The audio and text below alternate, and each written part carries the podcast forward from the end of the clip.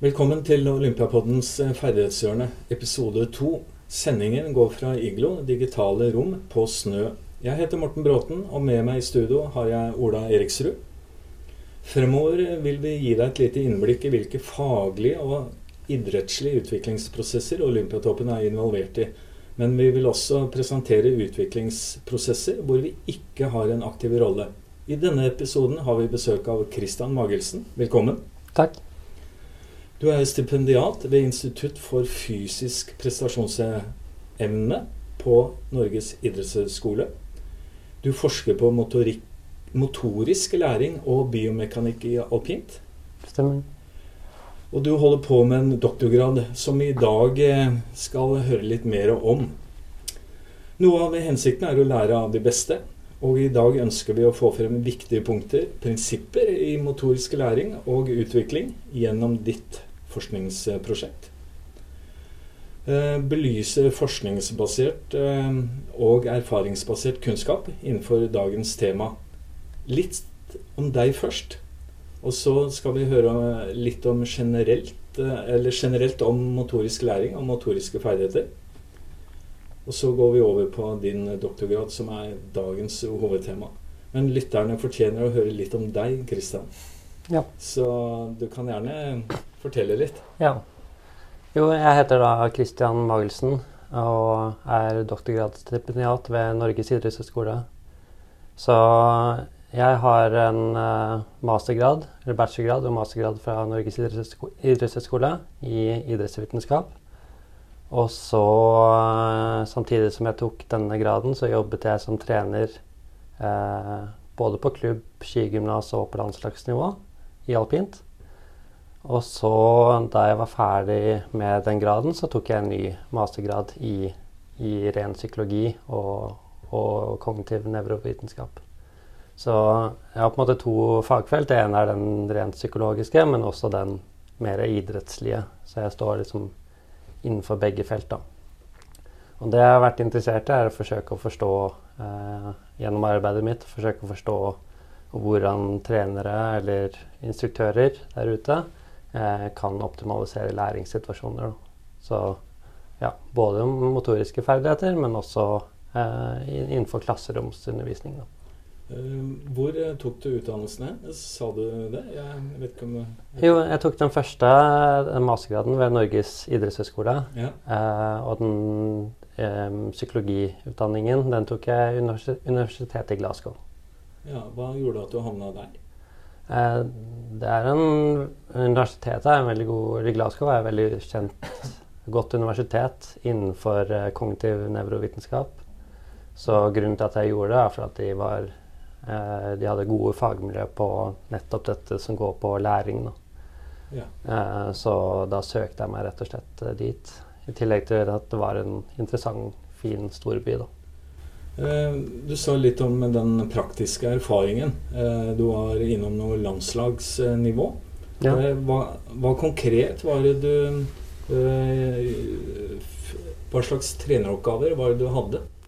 Det som var interessant da, er at idrettshøyskolen de har et trenerstudie. Og gjennom det trenerstudiet så hadde jeg ganske mange timer ute på praksisfeltet. Så gjennom at jeg tok den trenerutdanningen ved idrettshøyskolen, så fikk jeg mulighet til å hospitere på de ulike landslagene. Og så plutselig så dukket jeg opp en stilling, en assistentstilling, eh, på Europacup herrer.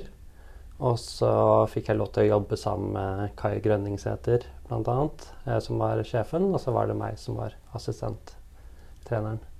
Uh, og så gjorde jeg det en sesong, og så har jeg på en måte vært etter den sesongen så har jeg vært involvert i uh, ja, um, World Cup damer, World Cup herrer, gjennom en sånn støtte, støtteapparatstilling, da. Er det noe mer vi trenger å vite om Kristian da, og vi og lytterne? Nei, jeg tenker jo det er en sånn veldig sånn fin uh, vekting mellom det praktiske, erfaringsbaserte og det vitenskapelige her, så skal det bli sånn spennende å høre litt videre hva, hvordan det ene komplementerer det andre eller ikke. Ja. Og hvordan liksom, det her med praksisfeltet har kommet med gode spørsmål kanskje inn i det teoretiske og motsatt. Da. Så den der uh, utvekslingen der blir spennende å høre litt mer om. Um, hvis vi går litt på det generelle først, Kristian. Um, bare for å oppdatere lytteren. Da. Ja. Uh, hva legger du i motorisk læring? Hva, hva er det for noe? Ok, så Motorisk læring, eh, det er jo selvfølgelig at det er læring av ferdigheter. Så, og de skal være motoriske. Da. Så det skal være en eller annen form for bevegelse. Det er på en måte det essensen av motorisk læring. Ja. Eh, så læring er jo også vanskelig å definere, men det er i hvert fall to sentrale kriterier som man må se på. Og det ene kriteriet er at læring er noe som skjer over tid noe som du kan måle, eller som er vanskelig å måle, for det første. Men hvis du skal måle læring, så må du se det etter en, en viss periode. Så det er en varig endring i, i en bevegelse eller atferd. Uh, du lærer bevegelser, ferdigheter. Hvordan uh, definerer du ferdighet? Uh, ja, ferdighet er noe som i forhold til Det er noe som du må ha trent på. Så uten trening så har du ikke en ferdighet. Uh, så det skiller det fra f.eks. en type evne. Medfødt evne er på en måte noe som du har eh, som du er medfødt. Mens ja. en, eh, en, ferdighet er det, det, krever øving. da. Så hvis du skal bli god på ski, så må du øve på ski. Hvis ikke så har du ikke den ferdigheten. Det, det er som software og hardware ja. når vi snakker om det, altså. Ja. ja. Litt sånn som at nordmenn er født med ski på beina, egentlig. Ja. ja. Det, det, forklarer, det, det utsagnet forklarer egentlig forskjellen ganske godt. Ja. Og så, det var en sånn annen ting enn jeg snakket om det med hva som er motorisk læring. For du spurte om det. Og det er sånn OK Et sånn ting som jeg ofte tenker på, er at hvis jeg trener og jobber og drar på skisamling da, med utøvere, mm. uh, så kan det hende at jeg ofte ser at utøverne forbedrer seg ganske betydelig på en skisamling. Men eh, hvis jeg har et avbrekk, sånn som vi typisk har i alpint, eh, der vi ikke står på ski på to-tre uker, så er det slik at jeg ofte ikke ser at utøvere eh, ja, presterer når de kommer tilbake eh. Etter noen uker. Da. Og da er det en indikasjon på at de nødvendigvis ikke har lært noe. Da, da er det, ja. ja. Da kan det hende at jeg har uh, fått god prestasjon under selve økten, men nødvendigvis ikke sitter igjen med så mye. Ja. Hva, øh, vi kommer sikkert øh, nærmere inn, inn, på det. Eh, eh generell eh, og kontra, eller, eh, kontra spesifikk eh, læring. Eller trening av generelle ferdigheter og spesifikke ferdigheter. Hvordan skal du trene for å bli god på noe? Det er jo noe som er veldig diskutert. Men, um, og det er forskjellige perspektiver på det, så det er ikke noe sånn veldig sånn konkret fasit på. Men det som, i hvert fall hvis du ser på historikken på de som har blitt gode, så har de vært innom ganske mye forskjellig i de barne- og ungdomsårene.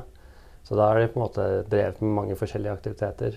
Eh, så det er på en måte den mer generelle treningen, den uh, ligger til grunn. Eh, og så kan det at du, når du nærmer deg ja, Eh, en sånn der du begynner å spesialisere deg i en idrett, så er det mer spesifikk.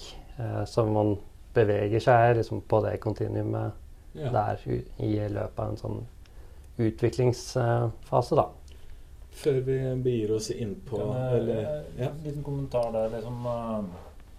For det er en veldig spennende materie, og, og du ser jo det hvis vi ser litt sånn på norsk idrett, kanskje, så ser vi at det er en det blir en tidligere og tidligere spesialisering rundt det her med å være med på én aktivitet, og du ser barn kommer opp i en viss alder, og kanskje volumet innenfor én idrett blir så stort at vi ikke makter å være med på det generelle. Så det kan jo være en liten sånn utfordring der. Men det jeg lurer litt på her, hva tenker du om f.eks. historien uh, Tiger Woods i en sånn kontekst? Uh, hva, her har vi noen som har vært veldig spesifikke lenge, men har hatt en suksess. Mm.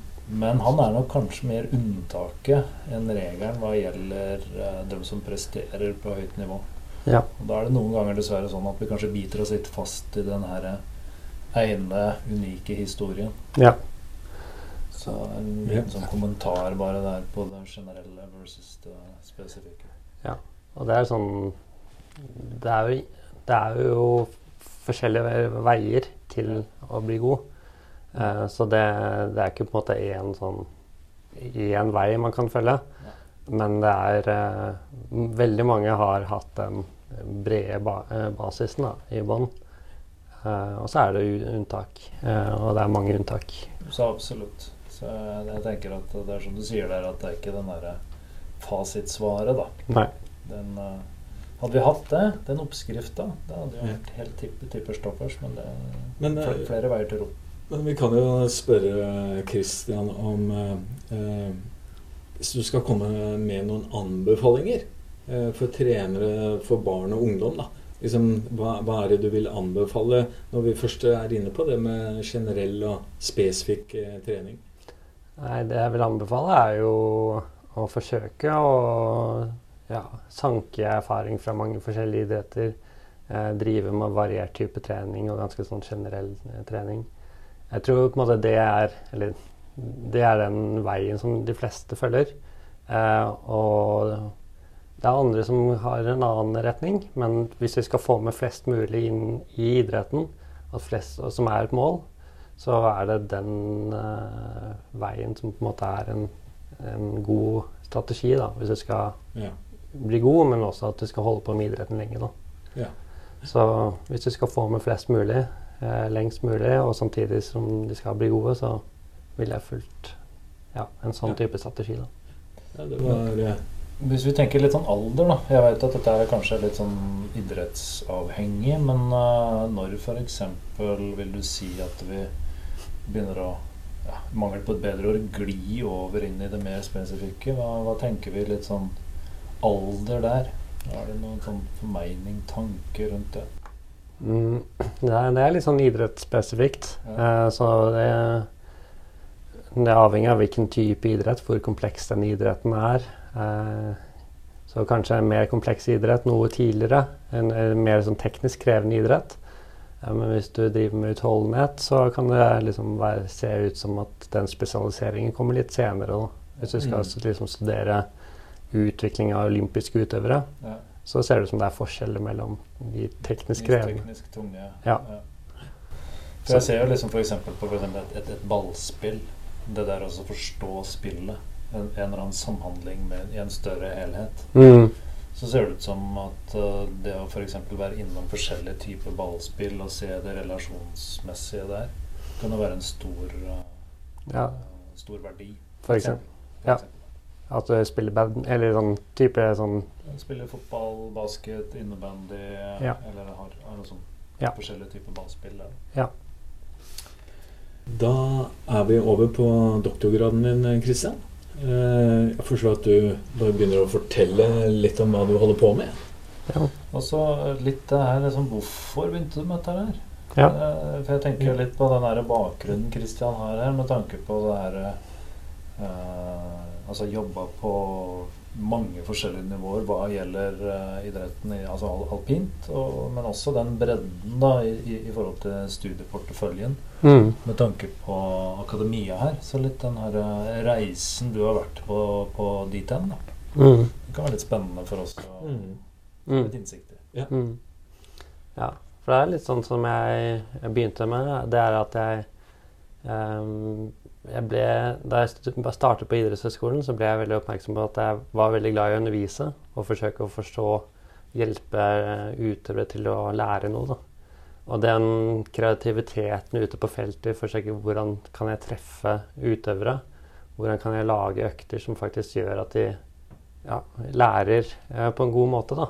Mm. Eh, det, sånn, det var det som trigget meg. Og det var det som gjorde at jeg valgte ja, den porteføljen da, med fag. Eh, har jeg valgt, forsøkt å velge fag som kunne gi meg en bedre forståelse av disse tingene her. Eh, så det var egentlig grunnen til at jeg valgte eh, spesialisert meg i idrettspsykologi eh, ved Norges idrettshøgskole og gikk denne, denne retningen. Og som senere, senere ble til en, en mastergrad i psykologi i Glasgow. Da. Og det var jo rett og slett fordi at jeg kanskje følte at jeg ikke kunne nok om mm, læringspsykologi, så jeg vil liksom gå litt mer inn på disse tingene. Uh, og så er det jo slik at jeg er opptatt av idretten, så jeg er opptatt av hvordan man skal få lære innenfor idretten. Og hvordan kan jeg hjelpe trenere til å lage gode økter. Så det er det som er på en måte essensen av det jeg driver med. Uh, og da ble det denne doktorgraden ved Norges idrettshøgskole som Hvordan kan jeg uh, hjelpe trenere til å lage, eh, lage gode økter, da. Ja. Så da doktorgraden min går egentlig ut på å forsøke å forstå hvordan kan jeg hjelpe trenere til å lage økter, slik at utøvere lærer over tid. da. Uh, og det andre som er viktig alpint, det er at når vi trener på en motorisk ferdighet, så skal den motoriske ferdigheten Det er ikke slik at du trener i en situasjon, um, men også skal den uh, teknikken terpes inn i en situasjon. F.eks. i alpint så er det jo slik at vi møter veldig mange ulike situasjoner ute på feltet. Så hvordan er det du trener teknikk slik at du får en en teknikk som du kan tilpasse deg til egentlig uendelig mange eh, situasjoner. Da. Så det er de to tingene jeg, jeg primært er interessert i å, å forstå. Mm. Og i det så ligger det noen enorme utfordringer, høres det ut som. Det gjør det. Så ta oss med på den her, hvordan du prøver da å forene nettopp det du sier nå. Ja med å sette det inn i en vitenskapelig kontekst og rammer, sånn at du faktisk kan måle og begynne å se på effekter osv. For det må jo være fryktelig vanskelig hva gjelder det domenet her. Ja. Eh, så det er eh, Først og fremst så er det jo slik at eh, fagfeltet er jo motorisk læring. men de fleste prinsippene som kommer fra motorisk læring, det baserer seg på enkle eksperimenter da, som er gjort i et laboratorie. Uh, og da er det slik at uh, de anbefalingene de baserer seg på laboratoriet. Enkle sånn forflytninger, strekke armbevegelser, slående skjegler i bestemte rekkefølger. Ja. Uh, så det er en ganske enkel oppgave, og som du lærer i løpet av en time eller to. og så er det slik at det er nybegynnere som man har brukt som deltakere. Mens i idrett da, så er det ofte slik at utøvere har eh, De holdt på med idretten i mange, mange år. Eh, og det er en kompleks ferdighet. Da. Det er ikke mulig å lære denne på en time.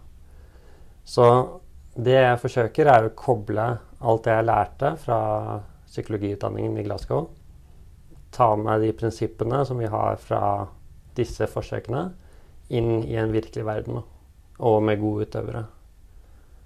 Det, for det, det, det, der, det vil jeg gjerne gjenta inn i den virkelige verden. For det syns jeg er et veldig viktig poeng her. Fordi du faktisk er på arenaen hvor det skjer.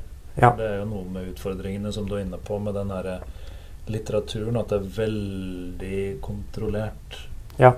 Og i eksperimenter, som du sier, som kanskje ikke er så relevante. Ja. Noen som kanskje ikke har gjort det før. Ja. Så nei, det, er et veldig viktig poeng her. Og det, det er sånn du sier, at det er eh, veldig stor forskjell på en som kanskje kommer inn og blir med i et forskningsforsøk eh, en dag og får betalt litt for å være med i et sånn type eh, en studie, kontra en eh, utøver eh, som blir med i et sånn forskningsprosjekt sånn som jeg gjør, eh, hvor det virkelig betyr noe da, å faktisk lære den ferdigheten som man ja.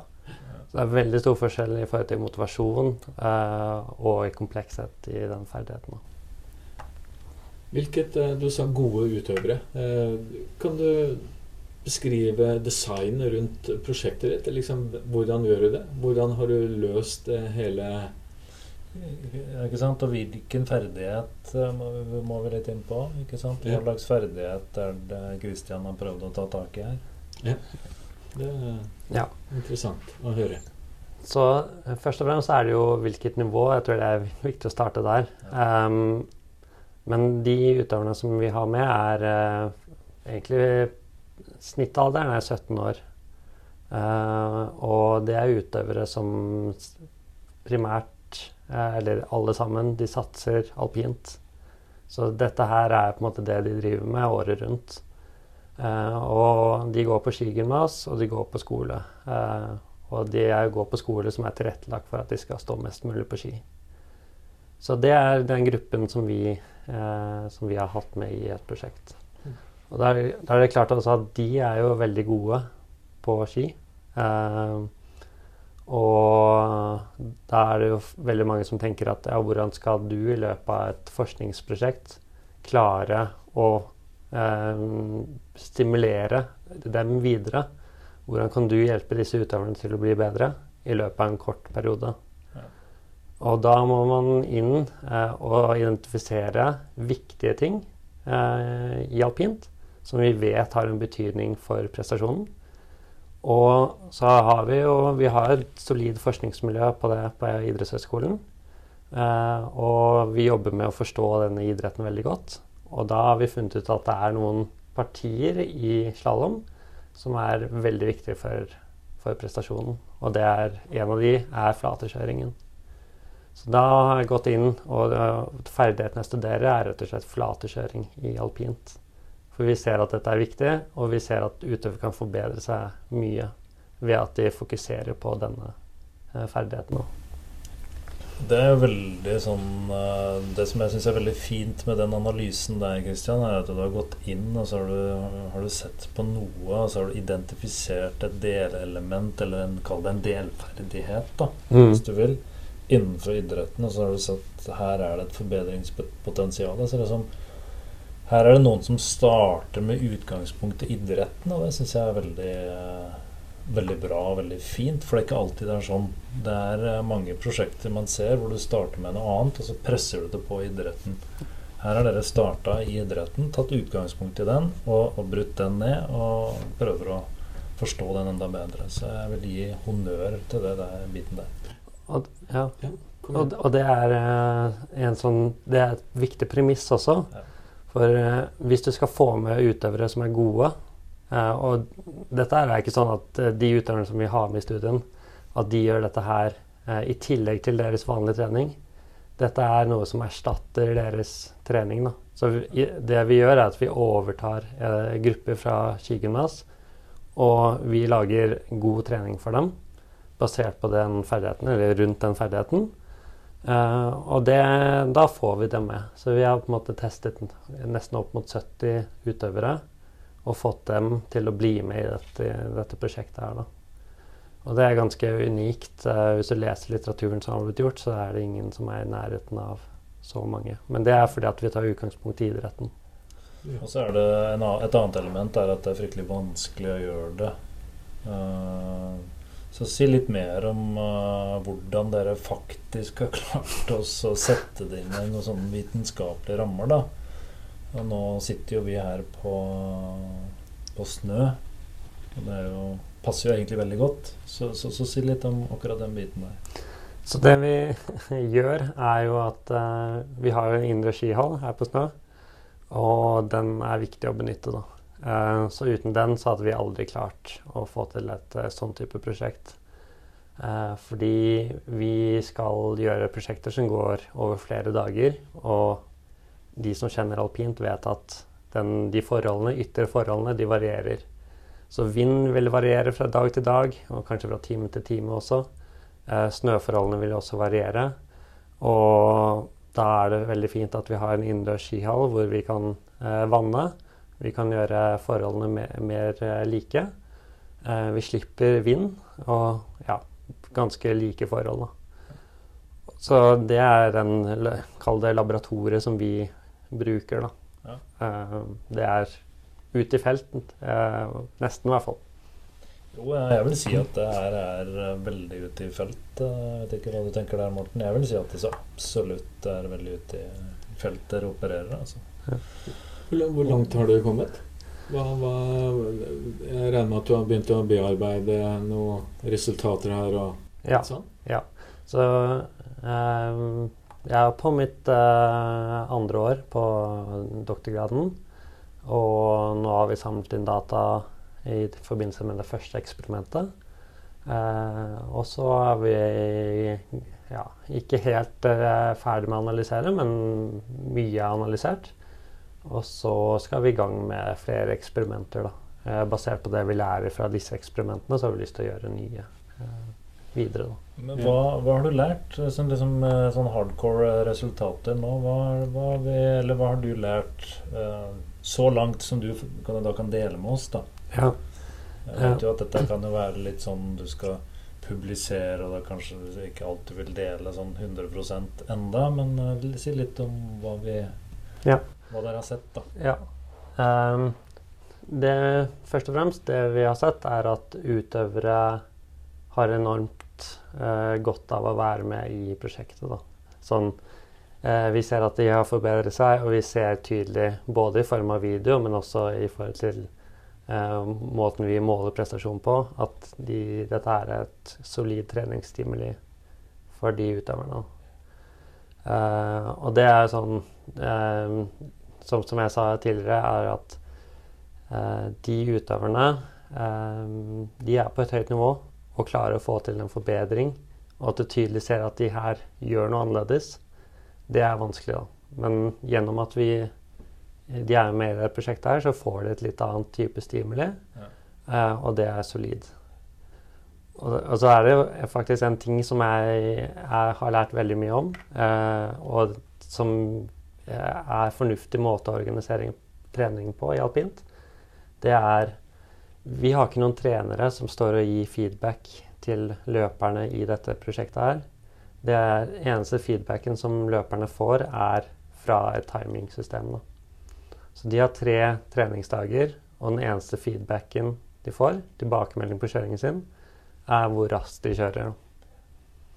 Og vanligvis i alpint så er det jo slik at det er en trener som står og forteller hvordan en person skal kjøre, eller hvordan en utøver skal kjøre.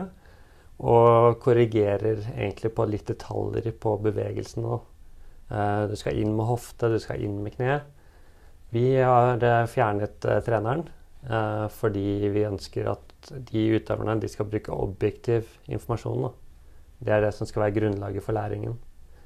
Og da er det slik at eh, vi har designet det slik at utøverne kjører rett ned bakken. Og da tar vi tiden som de bruker fra start til slutt. Og så eh, er det slik at de kjører løyper eh, i samme strekningen, så like langt. Men de kjører løyper, og så tar vi tiden på det, hvor langt de bruker i løypa. Og det er målet til utøveren det er å forsøke å slå den tiden når de kjører rett ned. Og det er det eneste de får informasjon om. Det er slår de tiden når de kjører rett ned eller ikke, og hvor langt foran eller bak er det de gjør det. Og det de skal forsøke, er å strekke seg så langt de klarer. Og kjøre fortere enn rett ned.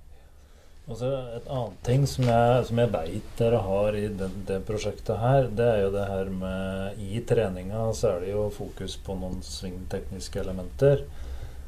Men det som dere også har gjort som er, litt spennende Dere har jo mer en blokk hvor vi kjører på bestemte løyper, for dere er for forskjellige løyper kan, og, litt sånn. Kan du fortelle litt om det?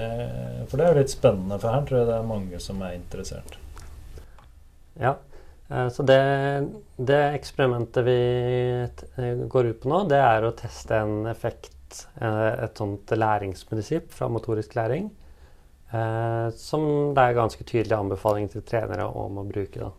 Men som jeg sa tidligere, så er det, litteraturen er blitt gjort på enkle ferdigheter eh, og på nybegynnere. Så noen sånne eksperimenter har blitt gjort på komplekse oppgaver, men fremdeles er det nybegynnere.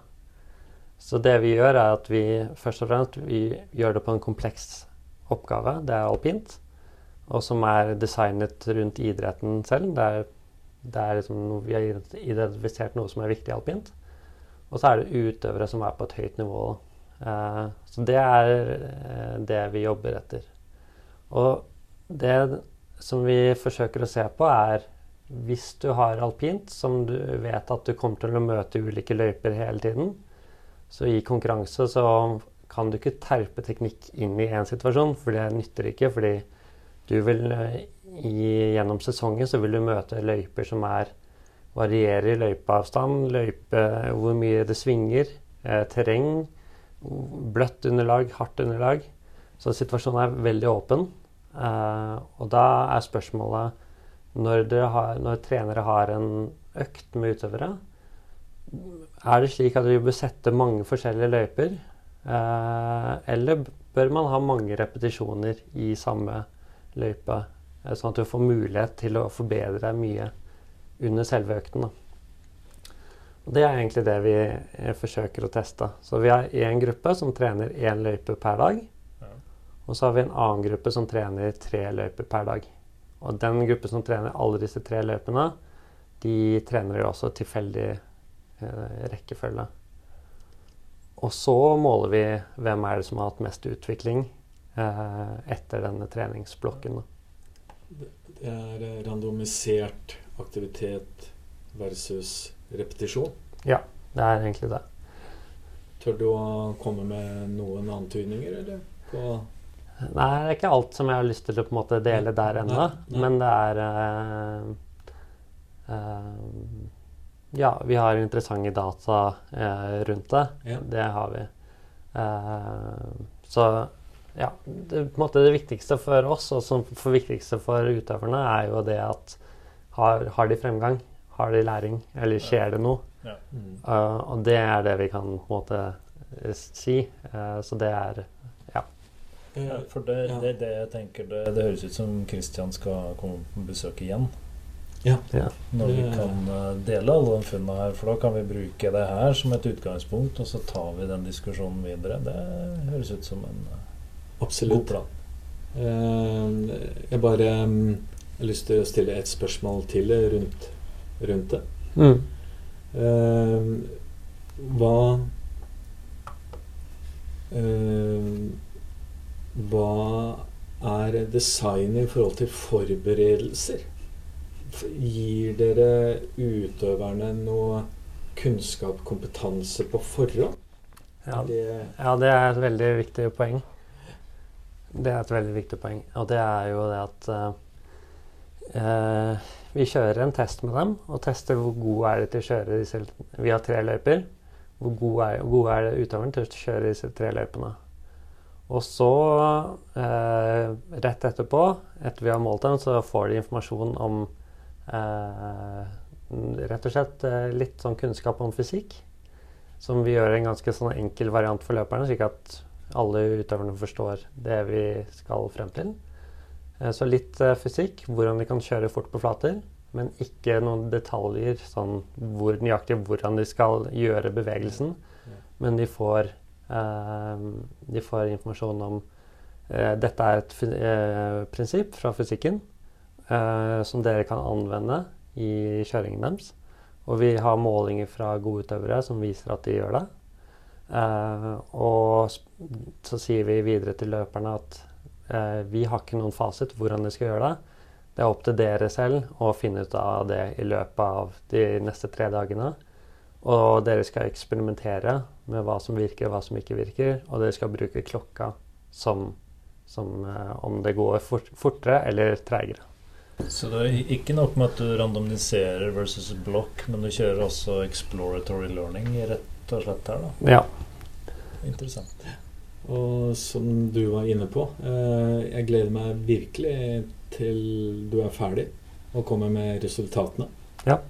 Eh, er det noe mer interessant rundt det prosjektet ditt du kan formidle? Det, eller føler du at vi, vi, skal vente til du er ferdig, rett og slett? Eh, nei. Det er uh, flere ting. Flere ting jeg har lyst til å gjøre. Så vi ser ganske mye sånne interessante ting. så hva er det som skjer når utøvere har gjort en sånn type økt? Hva er det som skjer når, hvis du måler læring som er læring. Det å se det over tid. Hva er det som skjer? Eh, og, og, ting som kanskje man tror, er at eh, ting du har trent på, det bør sitte. Eh, man snakker om at liksom, hvis du har lært å sykle, så kan du sykle. Mm. men slik er det ikke alltid i den eh, ja, idretten. Og det er liksom ting som vi begynner å få. Det er at vi har vært heldige å ha utøvere som har kommet tilbake og gjort eksperimentet på nytt. og det er litt veldig store variasjoner i ja, hvor mye man faktisk eh, eh, sitter igjen med. da. Ja. Og det er de tingene der som vi har lyst til å liksom, ja, gå litt videre på. For det er veldig veldig spennende. For det er jo ofte Vi ser jo igjen uh, Det kan være forskjellige former for forskning. Det der med retention, eller sitter igjen med, som du sier der. Mhm. Um, den biten der er jo vesentlig òg. For hvis vi tester dem og har en sånn runde rett etterpå, men hva skjer liksom, som en funksjon av tid i etterkant, da, det Mm. er jo Mm. aller høyeste grad vesentlig. Mm. Det er jo viktig kunnskap for trenerne å ha, sånn at vi ikke vi ser det at uh, nå, nå, skjedde det voldsomme greier, og så er det, er det, er det borte. ikke sant? Hva, hva skal vi gjøre? Ja. Og, og hvilke faktorer er det? For det er et sånt spennende spørsmål oppi det hele òg. For det du var inne på, det her med variasjon. Hvem og hvorfor? ja. Er det noen som har en bedre retention på det kontra andre? Ja. Altså en responder versus non-responder. Nå ble det fryktelig mye dårlig norsk her, men, eh, men, eh, men eh, det der er spennende materie. ja. Som vi er ute Som vi har f.eks. i rehabilitering etter en, en skade. Så Ja. ser du noe av det samme greiene. Hvorfor? Ja. Hvem er det? Klarer vi å identifisere?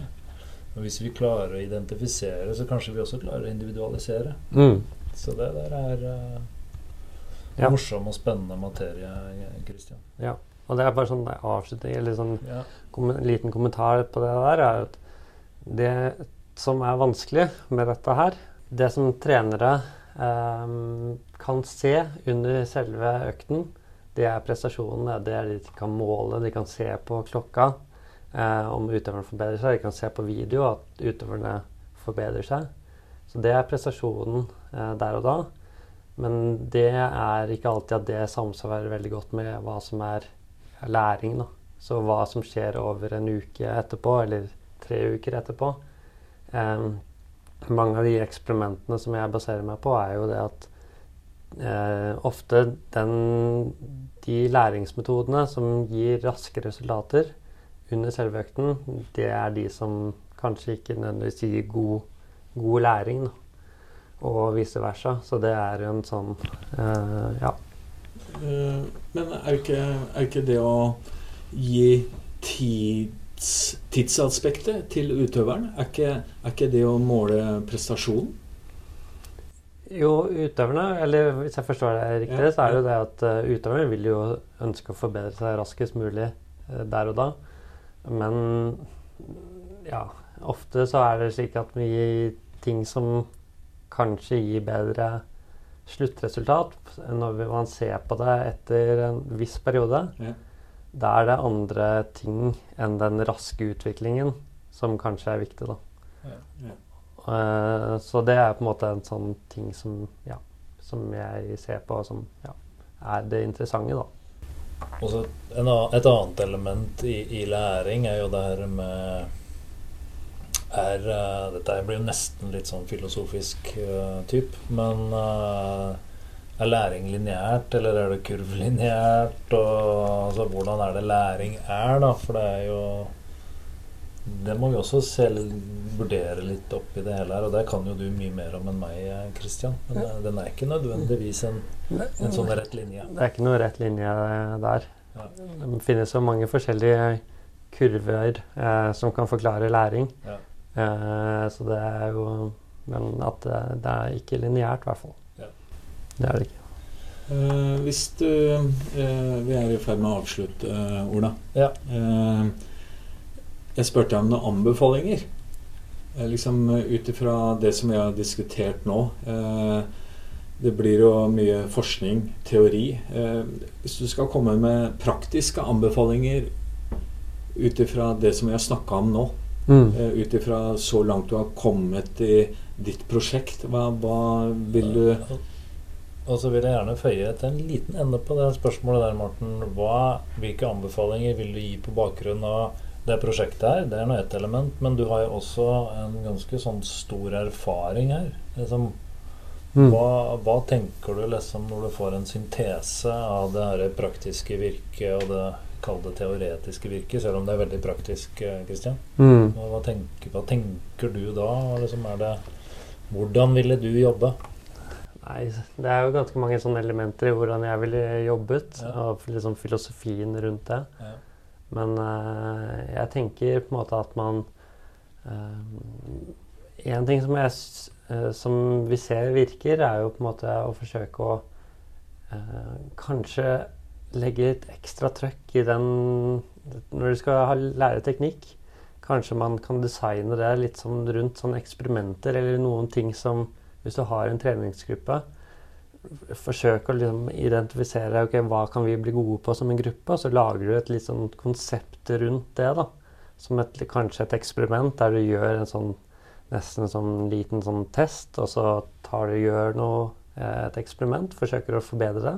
Og så tester du det på nytt, og så ser liksom, viser gruppa om det har det, noen, har, har det virket, har det ikke virket, eh, sånne type ting.